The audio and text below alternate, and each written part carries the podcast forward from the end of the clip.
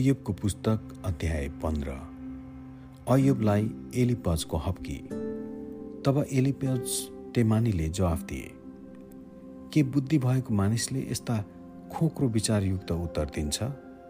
अथवा आफ्नो पेटमा पूर्वी बतास रहन्छ? के उहाँले यस्ता बेकामका कुराहरू मूल्य नभएका शब्दहरूद्वारा बहस गर्नुहुन्छ?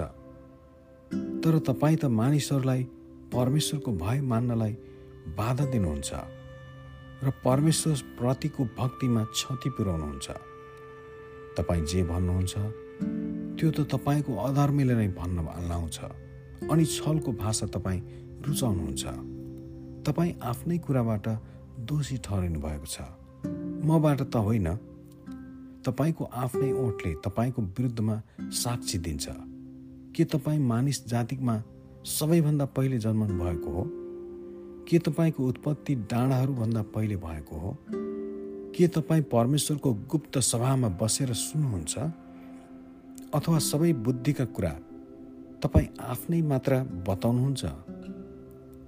हामीले नजानेका कुन कुन कुरा तपाईँ जान्नुहुन्छ?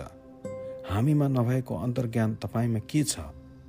हाम्रा बिचमा वृद्ध र पाका मानिसहरू छन्। तपाईँका पिताभन्दा पनि वृद्ध मानिस हाम्रा साथमा छन्। तपाईँको कानमा बिस्तारै परेको मधुरो शब्द परमेश्वरको सान्त्वना के तपाईँको निम्ति यथेष्ट छैन? कहिले तपाईँको हृदयमा यस्तो आँट दिन्छ? अनि तपाईँ किन आफ्नो आँखा फुकाएर हेर्नुहुन्छ? र तपाईँ आफ्नो रिस परमेश्वरलाई पोखाउनुहुन्छ अनि आफ्ना मुखबाट यस्ता शब्दको भल निकाल्नुहुन्छ? निर्बल मानिस के हो? र त्यो निर्दोष हुन सक्छ? अथवा स्त्रीबाट जन्मेको कुनै बालक के त्यो धर्मी ठहरिन सक्छ? परमेश्वरले आफ्नै पवित्र जनमाथि भरोसा राख्नुहुन्न र स्वर्ग नै उहाँको दृष्टिमा निर्दोष छैन भने तपाईँ त झन् कति कम होला। जो घिनलाग्दो र सडेको हुन्छ र जसले अधर्मलाई पानी झैँ पिउँछ। सुन्नुहोस् र तपाईँलाई म बताउनेछु र मैले देखेको कुरा म बयान गर्नेछु। जुन कुरा ज्ञानीहरूले आफ्ना पुर्खाहरूबाट पाएको केही नलुकाइकन घोषणा गरेका छन् उनीहरूलाई मात्र देश अधिकार गर्न दिइएको थियो। उनीहरूसँग कुनै विदेशी बसेका थिएनन्। दुष्ट आफ्नो जीवनकालभरि नै दुःखले सताइएको हुन्छ। निष्ठुर मानिसका वर्षहरू गनेर तोकिएका हुन्छन्। त्रासको शब्द त्यसको कानमा गुन्जिरहन्छ।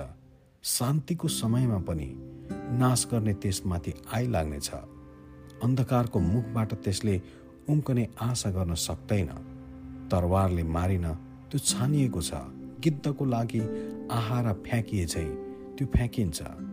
आफ्नो विनाश निश्चय नै आउँछ भने त्यसको मानिसले जान्दछ। दुःख र सुरताले त्यसलाई त्रसित बनाउँदछ। युद्ध गर्न तयार भएका राजा झैँ तिनीहरूले त्यसलाई व्याकुल पार्छन्। किनभने त्यसले परमेश्वरको विरुद्धमा आफ्नो हात उठाएको छ र सर्वशक्तिमानको विरुद्धमा जोरी खोजेको छ। आफ्नो बाक्लो र विशाल ढाल लिएर परमेश्वरको विरुद्धमा आक्रमण गर्न त्यो जाइ लाग्छ। त्यसको गाला चिल्लोले भरिएको र त्यसको कम्मर बोसोले भरिएको भए तापनि त्यो नाश भएको सहर र घरमा बस्नेछ जहाँ कोही बस्दैन। ती घरहरू जो भत्केर ढुङ्गाको थुप्रो हुनेछन् त्यो अब उपरान्त धनी हुने छैन र उसको सम्पत्ति रहने छैन। न त उसको सम्पत्ति जमिनमा फैलिनेछ अन्धकारबाट ऊ उम्कन सक्ने छैन। ज्वालाले त्यसका टुसाहरू चाउरिनेछन् अनि परमेश्वरको सासले त्यसलाई उडाएर लैजानेछन्।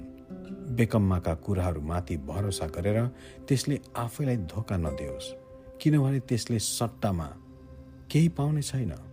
उसको समयभन्दा पहिले नै उसलाई पूर्ण रूपले चुक्त गरिनेछ अनि उसका हाँगाहरू सप्रिने छैनन्। काँचैमा फल टिपिएका अङ्गुरका बोट जस्तै त्यो हुनेछ। फुलहरू झरेको भद्राक्षको बोट चाहिँ त्यो हुनेछ।